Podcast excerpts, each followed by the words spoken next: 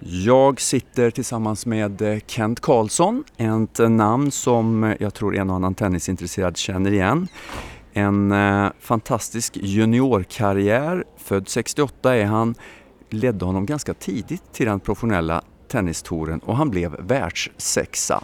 Men det blev också en kort karriär på grund av skador och nu är han i Båstad för att han är också bokaktuell. Kent, hur känns det att vara tillbaka i Båstad? Ja, men det är helt fantastiskt. Eh, eh, jag fick gåshud när jag kom in mot Båstad där man kommer ihåg alla de här fantastiska ställena man har upplevt genom åren eh, i Båstad och ja, jag bodde ju mer eller mindre hela som, somrarna här och eh, det känns helt fantastiskt att vara tillbaks, verkligen.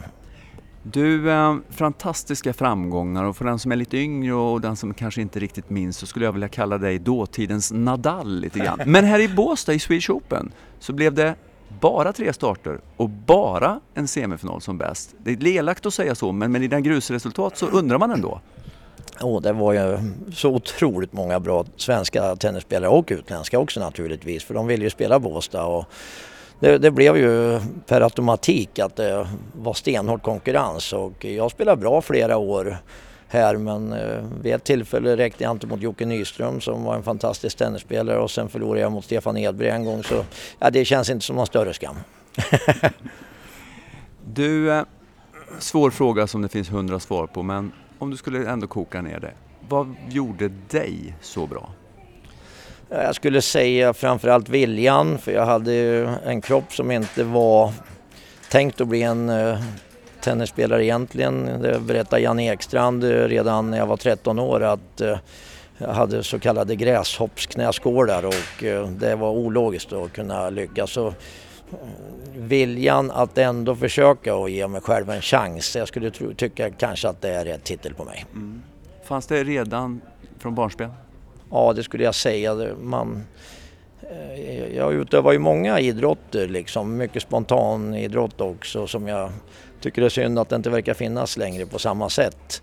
Men tennisen var ju det jag verkligen brann för och eh, eh det var ju Björn Borg-tiden eh, som många av oss eh, har haft nytta av som har blivit riktigt bra och eh, i, i och med honom så blev det ju att man spelade så mycket tennis man kunde. Det var ju liksom tennis på gatan med cyklar som nät och så vidare. Och sen när bilarna kom så flyttade man och man öste på liksom. Och var Borg och Connors och Esch och allihopa. Det var, det, var, det var ju liksom bara så jäkla roligt och fick man chansen, det var ju väldigt få tider man fick möjlighet att eh, få genom klubben i och med att det var så många som utöv, utövade tennisen. Det var ju otroligt stort just då. Så att eh, men jag, jag brann verkligen för det och eh, sen eh, gick det så fort allting så att man hann inte med riktigt eh, själv. Men jag lyckades ju bra i en tidig ålder som junior där och eh, ja, sen pinnade det på. Sen eh, när man summerar några år efter och nu ex, extremt många år senare så eh, ja, jag tyckte liksom min resa till att bli sexa i världen och hade ett fantastiskt, mm, utan att skryta, bra år eh, 1988 där jag vann 50 utav, sex, eh, 50 utav 56 matcher. Så att ja, jag känner att det blev en lyckad karriär trots att den var rätt så kort då. Och som du var inne på, du var ju långt ifrån ensam. Det fanns ju enormt mycket bra spelare och efter Borg, eh, sextalisterna allihopa skulle spela tennis och, och, många blev väldigt bra. Och jag vet att du har beskrivit också att det är mycket som ska vara på plats för att det ska gå. Du kan ha din vilja men har du inte en bra klubb, en tränare, sparringpartners. Hela det här konceptet nästan. Det fanns ju inte en masterplan som något förbund eller någon la fram utan lyckliga omständigheter. Det fanns så mycket runt om som blev bra tillsammans. Mm. Eh, var, var ni för många kanske? Nej, det tror jag faktiskt inte. Utan jag tror att vi sporrar varandra så mycket så att eh, det bara gav en positiv effekt. För när man var runt i världen och spelade tillsammans med alla de här fantastiska eh, både spelarna och människorna inom svensk tennis. Vi hjälptes åt, vi var som en stor familj. Liksom. Alla brydde sig om varandra, vi tittade på varandras matcher och vi peppade varandra. Och, eh, jag, jag, tror det var en stor del utav att vi verkligen lyckades tillsammans på ett sätt som väldigt få, eh, vad ska man säga, landslag, eh, om vi nu kan kalla det för det, eh, har lyckats med. Det, det, är ju en enastående prestation att få så enormt mycket bra tennisspelare som vi hade en gång i tiden och jag tror att det var på grund av att vi hjälptes åt som jag sa och att vi hela tiden stöttade och gav råd till varandra och alla fanns för varandra. Det, det var enastående, det är unikt. Där. Sen har det ju hänt saker med oss alla eh, med svensk tennis och eh, om vi koncentrerar oss på den här turneringen den här veckan i Båstad så hade vi en svensk herre med i herrsingel. Första gången det händer att vi bara har en svensk herre med i herrsingel. Eh, det är tio år sedan lite drygt nu då som Robin eh, vann tävlingen och sedan dess har ingen varit i kvartsfinal. När du ser det så, blir du ledsen eller vad tänker du? Ja, det är klart att man blir ledsen och samtidigt besviken. Eh, jag tycker ju redan i början av 90 där jag var på tränarsymposium i Globen och förstod att det skulle ändras, eh, den svenska modellen, vilket jag tyckte var eh, lite skrämmande. Jag höll lite föredrag, svarade på frågor där och så vidare. Och då förstod jag att logiskt sett så kommer det spåra ur och det sa jag till dem också då och tyvärr gick det åt det hållet. Jag tyckte inte vi skulle lämna den här fantastiska grundplåten som vi hade med att vara vältränade, bollsäkra, bra taktiskt och så vidare. Det kändes som att det var inte riktigt aktuellt att fortsätta med.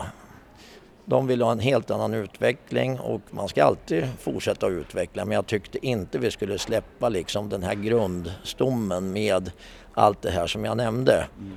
För att det är inte så jäkla lätt. Tittade man för mycket på andra då? Jag tänker ja. runt 90 att Agassi och andra kommit fram, slog hårt, tog bollen tidigt. Jag, jag, jag, brukar kalla det för att jag tyckte det plötsligt var lite grann att vi skulle spela tysk tennis liksom för att göra en enkel jämförelse. Med lite Becker och Stisch och lite så här då. Men jag, jag tycker det är synd. Jag brukar jämföra det också med Bygger man ett hus så kan man inte börja med nocken utan man måste börja med grunden, väggarna och sen nocken. Då, det är en rätt bra förklaring tycker jag. Och jag, vi hade ju den där enorma det, det enorma grundtänket med just de här bitarna som jag nämnde. Mm.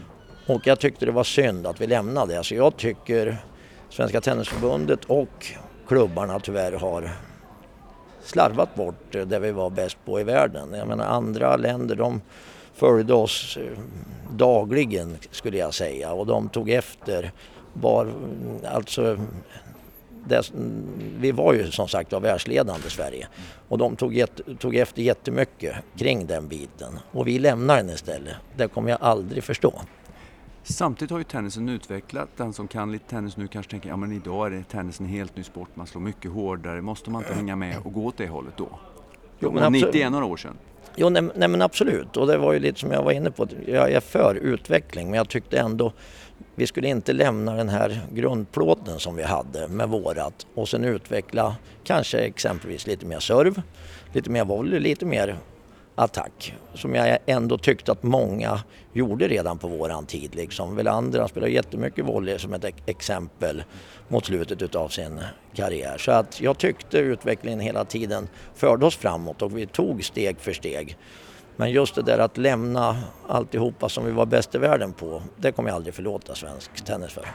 Och det är ju deltiteln på din bok också, Svensk tennis uppgång och fall. Eh, om vi nu konstaterar att vi har fallit ner då, går det att återta något av detta? Återigen, tennisen har utvecklats, men kan vi ta tillbaka några saker som gjordes bra då och lyfta in det i 2020-talet? Det är ju lite av min förhoppning det, det, blir ju lite grann att jag naturligtvis trampar i klaveret här nu med boken. Men lite grann utav det som jag tyckte var roligt från första början när jag boken det var att försöka få en, skapa en debatt kring det här. För att se liksom, kan vi, som frågan var från dig, försöka att återskapa det liksom? Kan vi börja om lite grann, få en nytändning? Kan vi göra om, börja liksom tänka i andra banor? Både liksom på förbundsnivå och klubbarna. Jag vet inte, det är ju ingen lätt match att säkert försöka vinna men och när du man kan började, inte ge upp. Nej, och när du började så fanns draghjälpen där av ett enormt intresse efter Borg?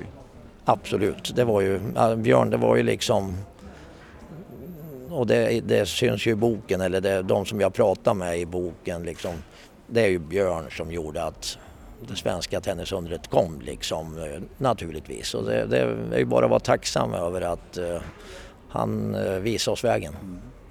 Behöver vi en ny då för att visa vägen igen? Ja, det skulle ju vara fantastiskt naturligtvis och eh, ingen i boken tror ju att vi kommer komma tillbaks till glada 80-talet. Men liksom får vi någon topp 20 kanske, någon topp 10 så att tennisen väcks. Eh, att den liksom, det blir en väckarklocka liksom för de som ungdomar och så vidare och tycker att de har kanske en idol. Det har väl kanske blivit mycket idoler i ishockey, fotboll och så vidare som har tagit många också då ifrån tennisen. Så att kan vi hitta den där stjärnan framöver så tror jag ju att det, är, det blir ett helt annat eh, drag kring tennisen igen. Det är vad jag hoppas och tror. Så även om boktiteln andas eh, lite eh, domedagstankar så, så är det lite positivt ändå? Ja men vi får hoppas det. Bland annat Björn Borg som var med i boken då tycker att det känns positivt nu med lite satsningar på Kungliga, Good to Great och sen Göteborg och så. så att, han- jag tyckte han lät rätt så positiv och han har bättre koll på det för att vara helt ärlig än mig med dagens juniorer. Kent Karlsson, lycka till med boken och allt annat. Tack snälla.